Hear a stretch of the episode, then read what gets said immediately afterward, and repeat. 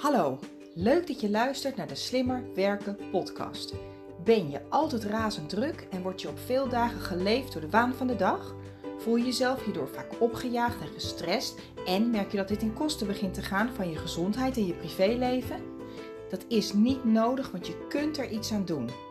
Mijn naam is Jennifer Boskeljon en met Werk Slimmer Niet Harder is het mijn missie om jou te helpen met het creëren van meer overzicht, controle en balans in je werk en je leven. In deze podcast deel ik slimme tips en inspiratie met jou, zodat ook jij kunt werken en leven met minder stress en meer plezier. En je uiteindelijk meer tijd en energie hebt voor dat waar je echt blij en gelukkig van wordt. Luister je mee? Ik heb er zin in. Hallo lieve luisteraar, welkom bij een nieuwe aflevering van de Slimmer Werken podcast. Vandaag wil ik iets met je bespreken wat heel actueel is en wat overal in onze omgeving oppopt. En waar we ontzettend mee bezig zijn met z'n allen. En ik uh, had echt het gevoel dat dit het juiste moment was om uh, hier nogmaals over te praten. Want er zijn meer afleveringen waar ik het uh, over dit onderwerp heb. Um, en het gaat over het beste wat jij nu kunt doen in deze periode van frustratie, stress, spanning, angst, waar het gaat om de wereld. De situatie op dit moment die is ontstaan in Oekraïne uh, en Rusland. we hebben natuurlijk twee behoorlijk heftige, stressvolle, frustrerende COVID-jaren achter de rug. En um, net op het moment dat we dachten van nou, het wordt weer wat relaxter, het wordt weer ontspannender. We kunnen nu eindelijk ademhalen, ieder geval voorlopig in de zomer. Even geen gedoe en de besmettingen nemen misschien niet af, maar uh, de ziektekans uh, neemt wel af. En uh, nou ja, de IC's die, in ziekenhuizen stromen gelukkig leeg. En toen kregen we dit. En we hadden denk ik collectief zoiets van, oh wat overkomt ons nu? Waarom gebeurt dit nu weer? Um, ja, en dan ga je je zorgen maken. Dan ga je angst voelen, je gaat boos worden, je gaat gefrustreerd worden. Um, je voelt je hulpeloos. Um, en ik zeg niet dat dat voor iedereen geldt. En heel eerlijk, dat geldt dus niet specifiek voor mij.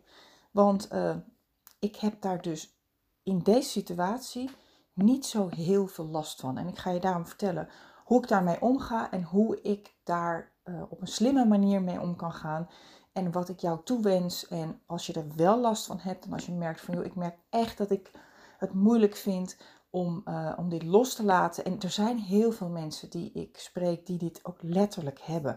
Ik sprak laatst iemand die kon gewoon bijna niet slapen ervan. Ik sprak pas iemand, een kennis van mij, wiens dochter helemaal overspannen en bang was. Ik sprak laatst een um, mevrouw bij de yoga en die was gewoon boos.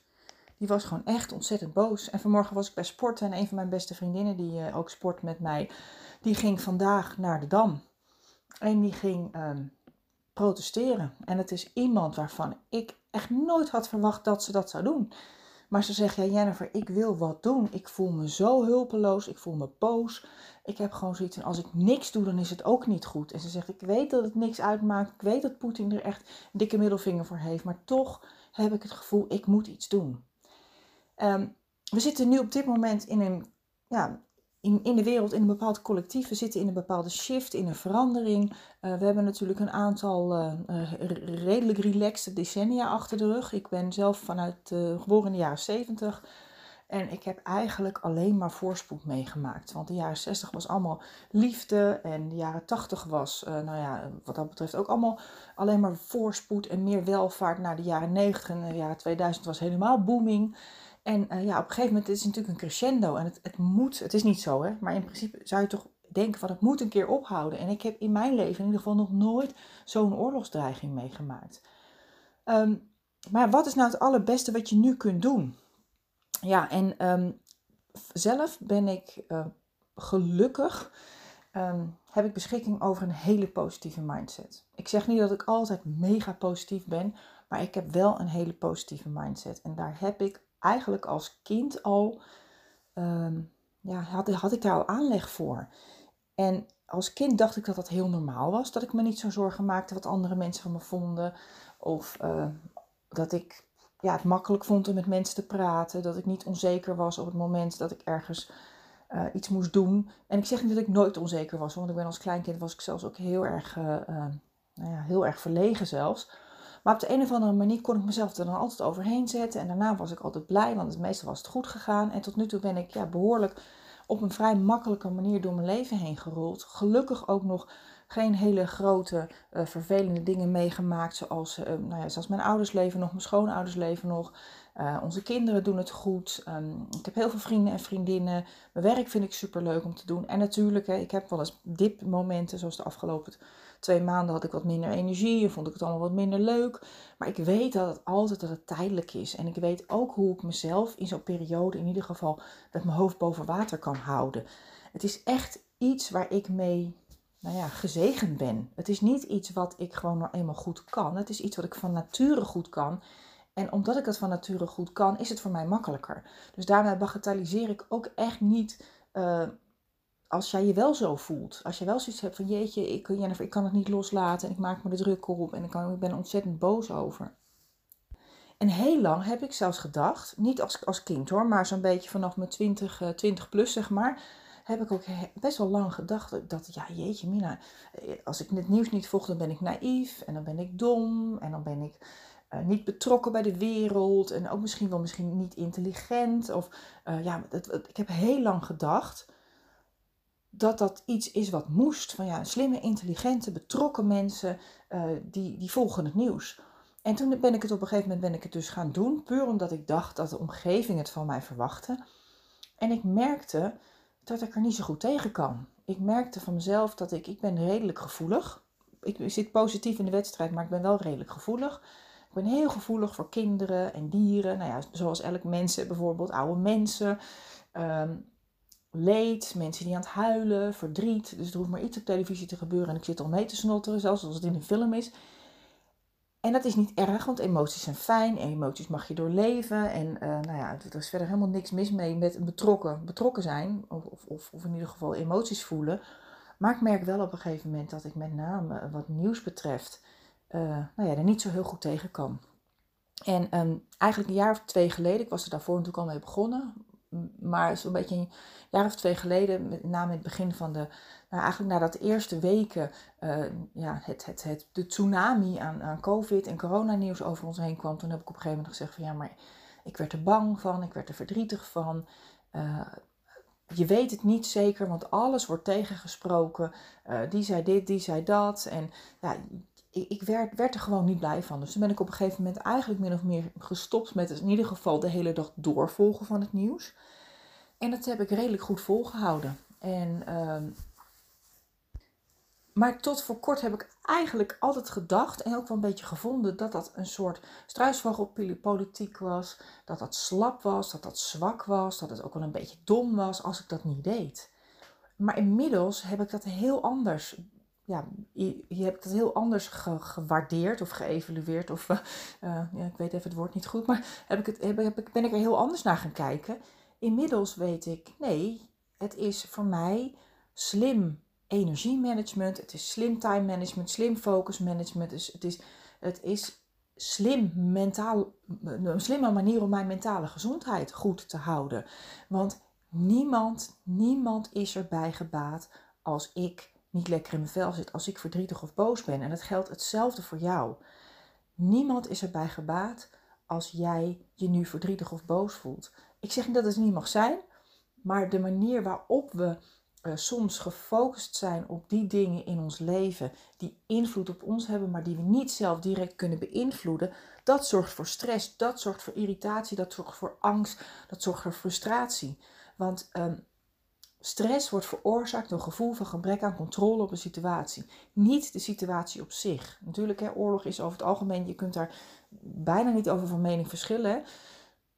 Maar in principe um, is, is ja, die stress wordt niet veroorzaakt door de oorlog op zich. Of door corona op zich. Of door misschien jouw angst om je baan te verliezen op zich. Of je angst dat, uh, dat er een van je geliefden komt te overlijden of mis het feit dat een van je geliefden komt uh, te overlijden en het feit dat je je baan verliest. Dat zijn feiten. Dat zijn objectieve feiten. Er gebeurt iets. Maar het feit, hè, de duiding die jij geeft aan het feit, dus het idee wat je erover hebt, de gedachte die je hebt over dat feit, die maakt dat jij op een bepaalde manier voelt.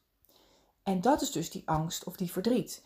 Terwijl als je die gedachte ombuigt. Of in ieder geval wat realistischer maakt. Of wat, uh, nou ja, wat, wat, opluchtender. Dan zou het zomaar kunnen zijn dat het gevoel van frustratie, angst, irritatie, depressie, wanhoop, dat dat minder wordt. Waardoor je uh, je ook anders gaat handelen. En waardoor je dus ook een andere uitkomst genereert. Want het beste, en dat is dus eigenlijk de, de, eh, waarom de titel van deze aflevering is iets in de trant van het beste wat je nu kunt doen. Het beste voor het collectief wat jij nu kunt doen, ook voor de mensen in de Oekraïne, ook voor welke oorlogsslachtoffers dan ook, of welke uh, nou ja, ellende er ook in de wereld is. Het beste wat jij kunt doen voor het collectief is je goed voelen. Is lekker in je vel zijn, zitten, is positief zijn. Het is niet zozeer dat jij een beter mens bent als je boos bent. Het is niet dat jij een beter mens bent of dat jij meer waarde toevoegt voor het collectief als jij mee gaat vechten en op de barricade gaat. Dat vind ik persoonlijk zo'n misvatting. Want eigenlijk alles wat je aandacht geeft groeit. En alles wat wij als collectief aandacht geven groeit ook.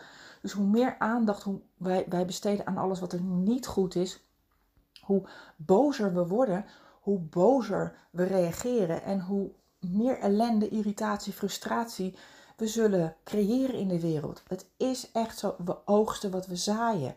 En je oogst boosheid als je zelf boos bent. Je oogt angst als je zelf angstig bent. Je, boos je, je, boos, maar, je oogst verdriet als je zelf verdrietig bent. En het collectief is er niet bij gebaat dat er nog meer mensen naar het front gaan. Of dat er nog meer mensen boze tweets de wereld in gaan insturen. Of, of, of op LinkedIn en Facebook van allerlei dingen. Het helpt niet. Want ten eerste, het komt niet aan bij de mensen die je zou willen bereiken. Dat is Poetin en de mensen om, om Poetin heen.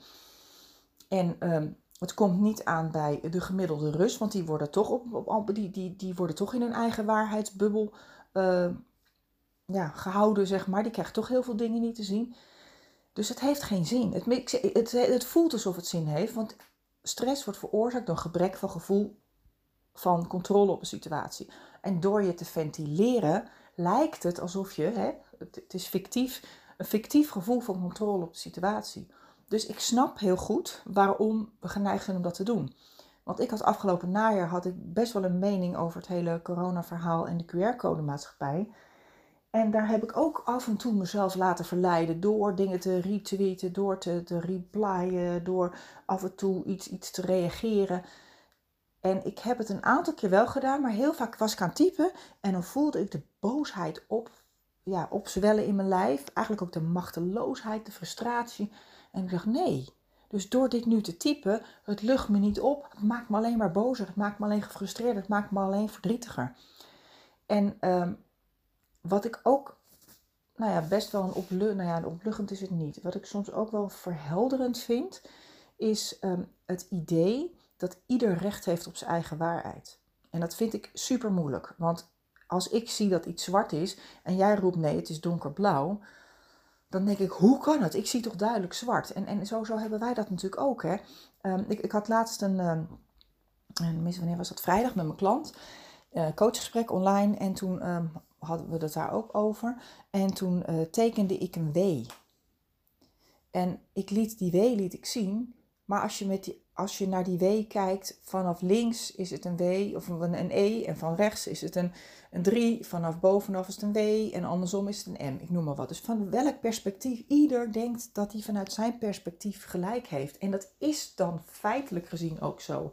Daarmee zeg ik niet dat Poetin gelijk heeft. Absoluut niet. Maar in zijn ogen, zijn beleving en de manier waarop zij natuurlijk het Russische volk spinnen en uh, ja, hen, hen, hen bepaald nieuws voorschotelen, lijkt het alsof zij gelijk hebben. En uh, dus daar kunnen we boos over worden, maar we kunnen het niet veranderen. En een van de slogans die ik ontzettend helpend vind, waar het gaat om het accepteren of in ieder geval het omgaan met dat soort situaties. Hè, dingen die jij niet kunt beïnvloeden. Ik heb daar een eerdere aflevering over opgenomen. Ik denk dat hij iets heet met stress of uh, uh, maak je niet zo druk. Nou, ik heb er een aantal opgenomen waar ik denk dat onderwerp wel aanhaal. Maar in principe, je hebt een cirkel van invloed en een cirkel van betrokkenheid. Jij staat in het midden van jouw cirkel van invloed. Hè. Dat is zeg maar je spanwijdte van je handen. En daarbuiten gebeurt van alles en dat valt in je cirkel van invloed. En dat kun je niet veranderen. Het heeft misschien wel invloed op jou. Ik heb het al gemerkt. Toen ik gisteren ging tanken, was mijn uh, volle tank al. Uh, nee, ik, ik, ik tank dan diesel en ik had al over de 100 euro. En dat ik echt dacht, mm, mijn wenkbrauwen gingen even omhoog. Vriendelijke meneer naast me die begon te lachen. Die zegt, ja, het tank is geen lolletje meer. En nee, inderdaad, het tank is, doe je niet meer voor je plezier. Nou, deed ik dat nooit, maar nu was het nog heftiger. Dus tuurlijk, je, dat, dat is ook zoiets. Dat, het heeft invloed op ons. Maar het, de slogan is echt: verander wat je niet kunt accepteren, maar accepteer wat je niet kunt veranderen. Dus kijk wat je kunt doen binnen jouw eigen cirkel van invloed, waar je wel controle op hebt. En een van de dingen waar je wel controle op hebt, is de gedachten die je hebt. Het is namelijk een soort uh, domino-effect. Je hebt eerst een feit, dat, dat, er gebeurt iets, het regent, uh, de stroom valt uit, um, een nieuwe klant uh, komt bij je of zegt op, of een collega die zegt iets tegen je waar je niet zo blij mee bent.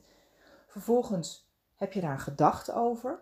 En die gedachte, dat is zeg maar de bril waarmee je naar de wereld kijkt. En de bril waarmee je naar de wereld kijkt, die is voor ieder anders. Sommige mensen hebben een roze bril, andere mensen hebben een hele grauwe, grijze bril. Sommige mensen hebben een hele grote bril, andere mensen kijken door een heel kleine, twee van die kleine ronde gaatjes naar de wereld. Um, maar in principe hebben we allemaal een eigen bril. En die bril, die zorgt ervoor dat jij op een bepaalde manier naar de wereld kijkt. Vervolgens ga je een emotie krijgen omdat je die gedachte hebt van het mag niet regenen en die persoon moet naar me luisteren. En ze zien toch wel dat dat niet zo is en dat moet gewoon niet gebeuren. Dat is het idee. En vervolgens ga jij op basis daarvan handelen. Je gaat eh, toetsenbordridders eh, uithangen door heel veel kritiek te leveren. Eh, je gaat met mensen in discussie. Nou, vorig jaar in het coronadebat waren er letterlijk mensen in gezinnen en, en, en vrienden die uit elkaar gingen. Dus je ging, ja, die actie die jij op basis van die gedachte en die emotie doet, die actie die je uitvoert, de activiteit, of de, dat zorgt voor een bepaalde reactie. En dat zorgt dat er bepaalde dingen gebeuren. En zo werkt dat ook in een oorlog. Op het moment dat er twee partijen zijn, dan krijg je actie, reactie, actie, reactie, actie, reactie, tot je ook in een soort negatieve spiraal naar beneden zit. En die bril die jij op hebt, die kun je oppoetsen. En ik zeg niet dat jij een hele volledige nieuwe bril kan regelen op het moment dat de feiten eenmaal daar zijn. En maar je kunt de bril wel uh, nou ja, bekijken. Je kunt het een beetje oppoetsen en kijken van nou, misschien zit er wel een krasje in, maar oké, ik kan er nog aardig door zien of ik zie er nu beter door.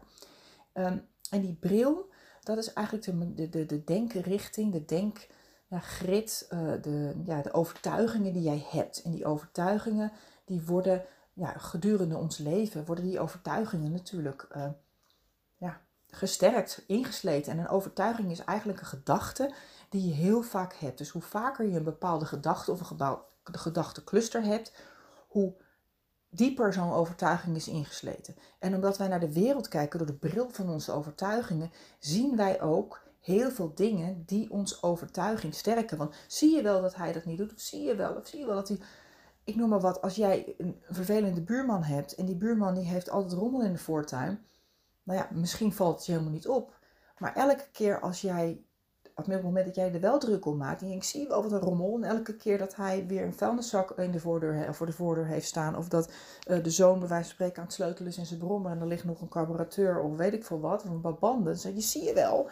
En voor je het weet kan je die buurman eigenlijk niet eens meer zien zoals die is. Een hele vriendelijke man. Maar die gewoon iets minder... Uh, ja, gewoon iets minder belangrijk vindt dat zijn voortuin er netjes uitziet. En denk je, denk je alleen maar aan die asociaal of die eikel of die rommelkont of nou, whatever. En uh, dat is dus wat ik ook, uh, ja, waar, hoe ik probeer te kijken naar deze situatie. Los van het feit, echt waar, het is verschrikkelijk. Ik heb net weer een stukje van het nieuws gezien, helaas. En je ziet die mensen letterlijk rennen voor hun leven. Het is verschrikkelijk.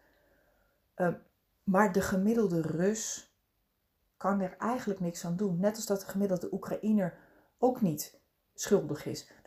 Poetin en de zijnen, die zijn schuldig, maar ook, dat is, de wereld is een schaakspel. En er zijn de afgelopen decennia allerlei dingen gebeurd. Het is een schaakspel eh, of een puzzel met duizend verschillende stukjes. En die duizend verschillende stukjes, die hebben ertoe geleid dat dit zo is ontstaan. En die, dat, daar de schuld, hè, op bepaalde manier, zit ook bij Amerika, zit ook bij de Europese Unie, zit ook bij de uh, Verenigde Naties. Of nou ja, whatever. Het, het is niet alleen Poetin. Kijk, Poetin is natuurlijk de grote agressor, helemaal waar. Maar tegelijkertijd zijn er allerlei dingen gebeurd in de afgelopen jaren die ervoor zorgen dat hij zoveel macht heeft gekregen. Um, het, klinkt heel makkelijk wat ik nu zeg. Ehm, ik zeg ook niet dat het makkelijk is om die bril op te poetsen. En je hebt natuurlijk ook nog te maken met genen, aanleg en opvoeding. In principe zijn wij 50% onze vader, 50% onze moeder. Maar wij zijn ook het DNA van onze voorouders. Dus op het moment dat jouw opa of jouw overgrootopa uh, iets heftigs hebben meegemaakt, dan zul je daar indirect in jouw huidige manier van denken en voelen invloed van ondervinden. Op het moment dat jij in de buik zit, zit je al bij je moeder in je buik en je voelt al van tevoren, je bent 50% genen van, van beide kanten, dus je hebt al een soort aanleg. Er zit al iets, iets in je DNA gebakken uh, qua aanleg om angstig of verdrietig of boos of depressief te zijn, of juist vrolijk en positief en denken van nou we regelen het allemaal wel. Dan heb je ook nog eens een keer de periode in de buik bij je moeder. Ehm, stel je voor dat jouw moeder in die periode dat zij uh, zwanger was heel veel stress had. Of ze zat net midden in de verhuizing. Of het ging niet zo goed tussen je vader en moeder in die tijd. Whatever. Uh, dat zul je ook merken. En vervolgens de eerste zeven levensjaren wordt jouw karakter gevormd. En uh, de eerste zeven levensjaar doe je eigenlijk niet heel veel meer dan kijken, observeren, um, kopiëren, modelleren, um, strategieën ja, onderzoeken. Dat doe je natuurlijk niet bewust, hè, maar in principe is, is een kind dus een soort spons. Als we klein zijn, zijn we een soort spons. En um, ja, in, in, in, in, dat is de periode waarin je het, de basis van je karakter gevormd wordt. En als je bijvoorbeeld ziet van nou, als ik altijd de vrolijke Frans uithang, dan krijg ik altijd heel veel kusjes en knuffels van mijn moeder als ik veel lach. Of als ik heel stil in een hoekje zit, want dan hebben ze geen last van me. Of uh, als ik maar vooral alles oplos en veel lieve dingen doe voor mensen, dan gaan ze positief op me reageren. Of dan, ja, dat, in, in principe zijn wij als mens natuurlijk puur geprogrammeerd om te overleven. En die overlevingsstrategie, de basis daarvan, zit dus in je genen. En het zit ook nog eens een keer in de eerste zeven levensjaar van jouw uh, leven, zeg maar. En daarna ga je of ben je aan het ontwikkelen en dan word je bijvoorbeeld een gezonde of een minder gezonde variant van, uh, uh, van jouw ja, basis aanleg en karakter. Dus als je bijvoorbeeld op je 15 of 16 of 17e, dan ga je, of, meestal zo rond, ik merkte bij mezelf dat ik een beetje mijn meest neurotische zelf was, een beetje het eind, eind 20. Uh, dan, uh, ja, dan, woonde ik op mezelf en dan had ik heel erg het gevoel dat het allemaal op een bepaalde manier moest. Mijn ouders deden het ook zo en mijn vrienden van ons deden het ook zo. En op mijn werk deden mensen het op een bepaalde manier. Dus ik merkte dat ik toen, uh, nou ja, een beetje het minst relaxed was. Ik denk de meest ongezonde versie van mezelf was ik zo'n beetje begin 30, half 30. En toen ben ik nou ja, weer mezelf weer verder gaan ontwikkelen. En nou ja, dan, toen dacht ik van ja, maar ik, ik, heb nu wat klachten. Ik had wat nekpijn, wat hoofdpijn, wat spierpijn. Uh, nou, ik was niet altijd even vrolijk meer. En toen ben ik, helaas, hè, gaan we vaak pas veranderen als, uh, als iets pijn doet of als je ergens last van hebt. Maar de eerste zeven levensjaren wordt je karakter gevormd en dus ook de basis van jouw overtuigingen. Dus ook de basis van de gedachten die je hebt, de basis uh, manier waarop jij prikkels verwerkt of de basismanier van hoe jij de, de dingen organiseert, bekijkt, uh, onthoudt en, en verwerkt. En, en ja, de, de mening ook die we hebben wordt heel vaak al de, de basis aanleggen. Um, hoe kun je dat nou oppoetsen? Hoe kun je dat nou aanpakken? Als je er dus wat minder aanleg voor hebt of desnoods misschien dat nu even kwijt bent. Het belangrijkste is dat je je bewust bent van je gedachten en dat je bewust bent van de prikkels die je op een dag krijgt. Dus op het moment dat jij weet van joh, het nieuws, daar word ik niet blij van, wees je daar dan bewust. probeer de komende dagen eens even te kijken voor jezelf van wanneer merk ik dat ik er het meest last van heb? Wanneer raakt het mij het meest? En dat is natuurlijk meestal als je bijvoorbeeld op Instagram scrolt of als je op Facebook zit en er komt van alles voorbij of op Twitter of als je het nieuws aanzet. Um, kijk of je dat kunt doseren. En daarmee bedoel ik echt niet dat je uh, helemaal in een soort alternatieve realiteit moet gaan leven. See no evil, hear no evil. Maar toch, het struisvogeleffect kan heel goed helpen. Bij mij werkt het supergoed dat ik in ieder geval kritisch ben over de hoeveelheid nieuws die ik tot me neem. En het struisvogeleffect heeft letterlijk, ja, het, het, voelt egoïstisch of het voelt misschien dom of het voelt naïef. Laat ik dat, het voelt, zo voelde het voor mij. Maar het is echt slimme manier. Het is een slimme manier om om te gaan met je mentale gezondheid. En het is echt niet zo, dat heb ik net ook al verteld, het is echt niet zo dat jij dom bent of naïef of dat je egoïstisch bent als je er niet voor kiest om de hele dag het nieuws te, eh, te kijken. Dus wees kritisch, kijk om je heen, wees je bewust van het feit hè, dat je, uh, of je op welke manier uh, jij aangedaan wordt of wanneer jij je slecht voelt, zeg maar. Kijk even wat de trigger is geweest en kijk of je die trigger dan kunt beperken.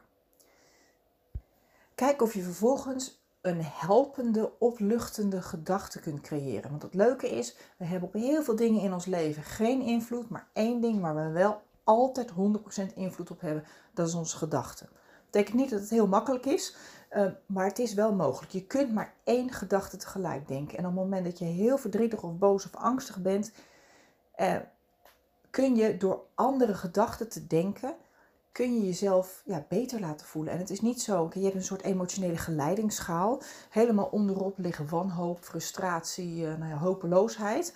Helemaal bovenin uh, is de verlichtheid van, ah, wij spreken dat je bijna uh, schreeuwend en zingend door het leven gaat. Um, natuurlijk, hè, in het meest ideale geval ga je in een soort curve door alle, alle stadia heen. Hopelijk niet de allerhoogste en de allerlaagste, maar een beetje in het midden.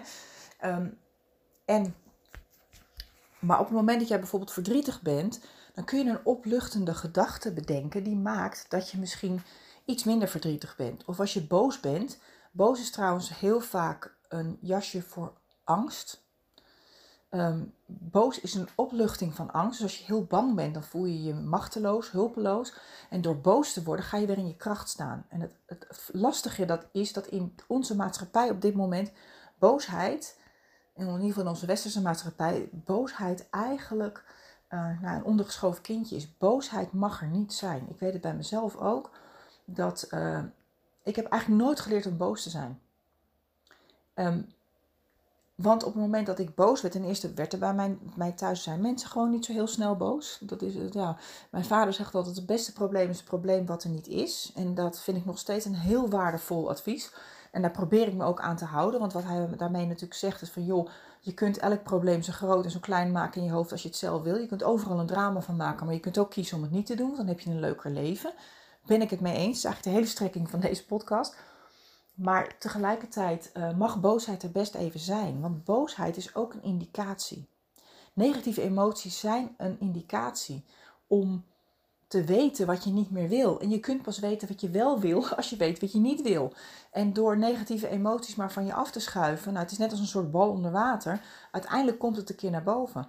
Waar ik vroeger een handje van had, gelukkig nu niet meer zo, maar waar ik vroeger nog wel eens last van had, is dat ik dan de hele dag mezelf een beetje uh, voelde. En ik voelde me eigenlijk een beetje miskend. En ik voelde me niet goed gesteund in dit gezin. Bijvoorbeeld toen de kindjes nog klein waren, want ik had het druk. En ik had op een gegeven moment ook een eigen bedrijf. En ik moest tussen haakjes het allemaal zelf doen. Dat was natuurlijk helemaal niet waar.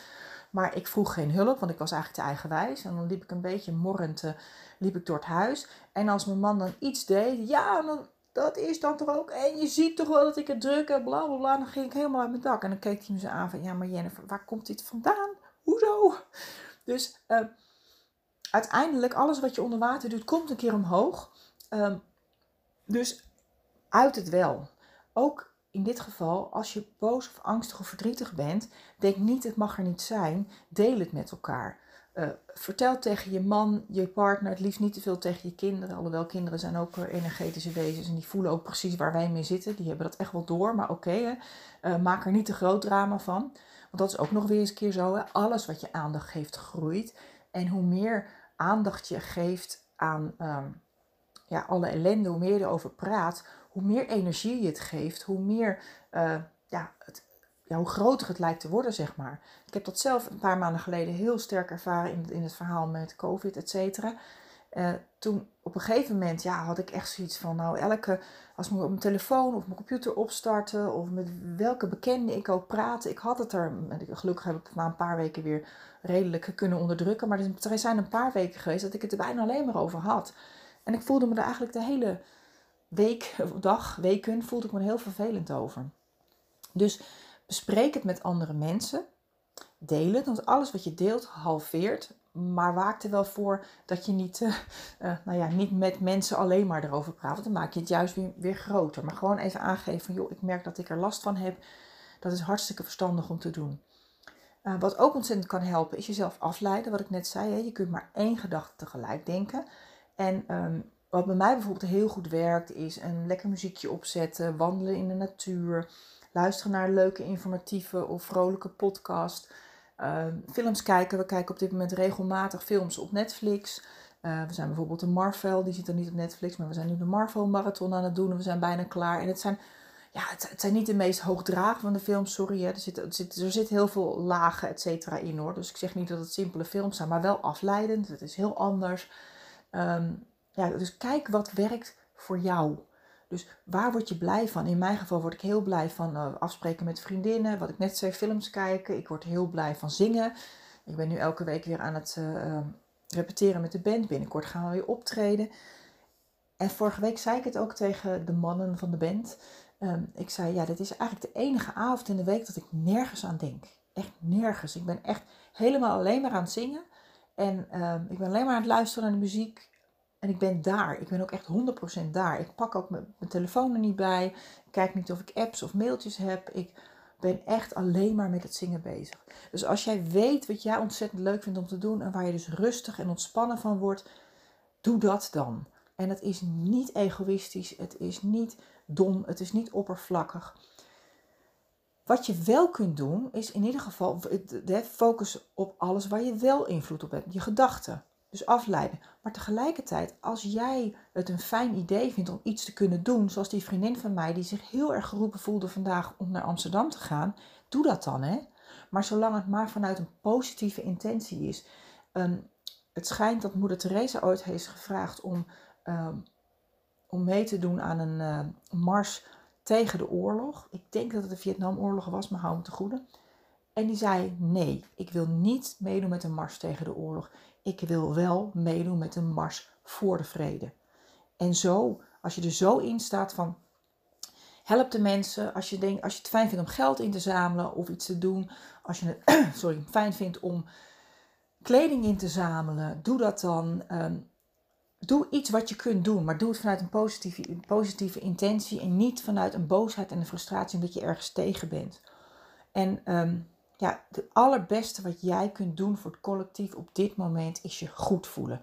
Want als jij je niet goed voelt, kun je ook niet uh, die emotie of de positiviteit of de, de prettige energie hebben om ook daadwerkelijk iets moois te doen. En als jij boos bent, dan zul je ja, je kunt eigenlijk alleen maar aan iemand anders geven wat je zelf hebt. Je kunt aan iemand anders iets niet geven wat je niet hebt. Dus op het moment dat jij boos bent, dan zul je aan een ander alleen boosheid kunnen geven. Op het moment dat je verdrietig bent, zul je aan een ander alleen verdriet kunnen geven. Frustratie, stress. Dus je geeft alleen maar altijd aan de wereld uit of aan je omgeving wat je zelf hebt. En op het moment dat jij er dus voor zorgt dat jij um, ontspant, niet te veel nieuws kijkt, of in ieder geval zorgt dat je ook die dingen doet waar je blij van wordt. Um, je focust op die dingen in je cirkel van invloed en ja, waar je wel controle over hebt, wat je wel kunt doen, dan zit je echt op een gegeven moment lekkerder in je vel. En hoe lekkerder jij in je vel zit, hoe meer liefde je kunt geven, hoe meer positiviteit je kunt geven, hoe meer plezier je kunt uh, verspreiden. En niemand is erbij gebaat als jij en ik boos, verdrietig, angstig zijn. En daarmee zeg ik niet uh, koppel in het zand. En als de Russen straks aanstaan aan te bellen, dat je denkt van, oh, uh, wat is er aan de hand? Tuurlijk niet. Doe wat nodig is, wat jij voelt dat nodig is om uh, het nieuws bij te houden, maar dompel je er niet in onder en verdwijn er niet in. En hou je bij de feiten. Zie iets wat er gebeurt als een feit. En kijk ook of je, net als wat ik zei met die weeën, dat je ook met mededogen naar de andere kant kijkt. En nogmaals, echt niet, ik bedoel echt niet dat ik snap wat Poetin doet, et cetera, maar wel met, probeer je in te leven in de andere kant. Al was dat maar omdat het jou een prettiger gevoel geeft. Want die boosheid van waarom doen ze dat nou? Snappen ze dat nou niet? Daar word je zelf, ga je jezelf rotter van voelen. Net wat ik net aangaf, op het moment dat ik op Twitter of waar dan ook een reactie gaf op iemand omdat ik het totaal niet eens was. Ik, ik voelde me daar rottig over. En, en ja, niemand is erbij gebaat als jij niet lekker in je vel zit. Oké, nou ik denk dat ik hem uh, wel zo'n beetje af kan ronden. Hij is toch weer best lang geworden. Hartstikke bedankt voor het luisteren. Um, ik hoop echt dat je, uh, dat je hier iets mee kunt. En als je iemand anders kent in je omgeving die je deze informatie ook gunt. Of waarvan je merkt dat hij uh, dat hij of zij verdrietig of boos is of angstig. Uh, ja, stuur deze podcast door. Want het, nou ja, wie weet wie, dat je hen ermee kan helpen. En je helpt mij natuurlijk ook met het verspreiden.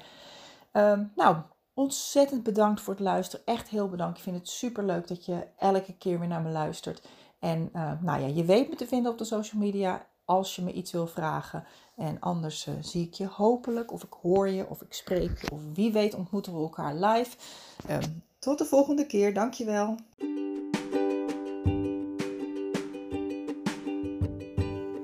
Bedankt dat je hebt geluisterd naar de Slimmer Werken podcast. Ik vertrouw erop dat je ook deze keer weer nieuwe ideeën en inspiratie hebt opgedaan.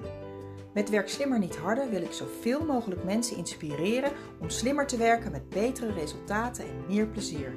Ik nodig je dan ook uit om deze podcast te delen met iedereen die je dit ook gunt. Verder zou ik het heel leuk vinden om van jou te horen wat deze aflevering je heeft opgeleverd en natuurlijk wat je ermee gaat doen. Stuur me dan een bericht of tag me op social media. En wil je nog meer tips en inspiratie? Kijk dan op wsnh.nl voor artikelen en downloads. Heel veel succes en graag tot de volgende keer.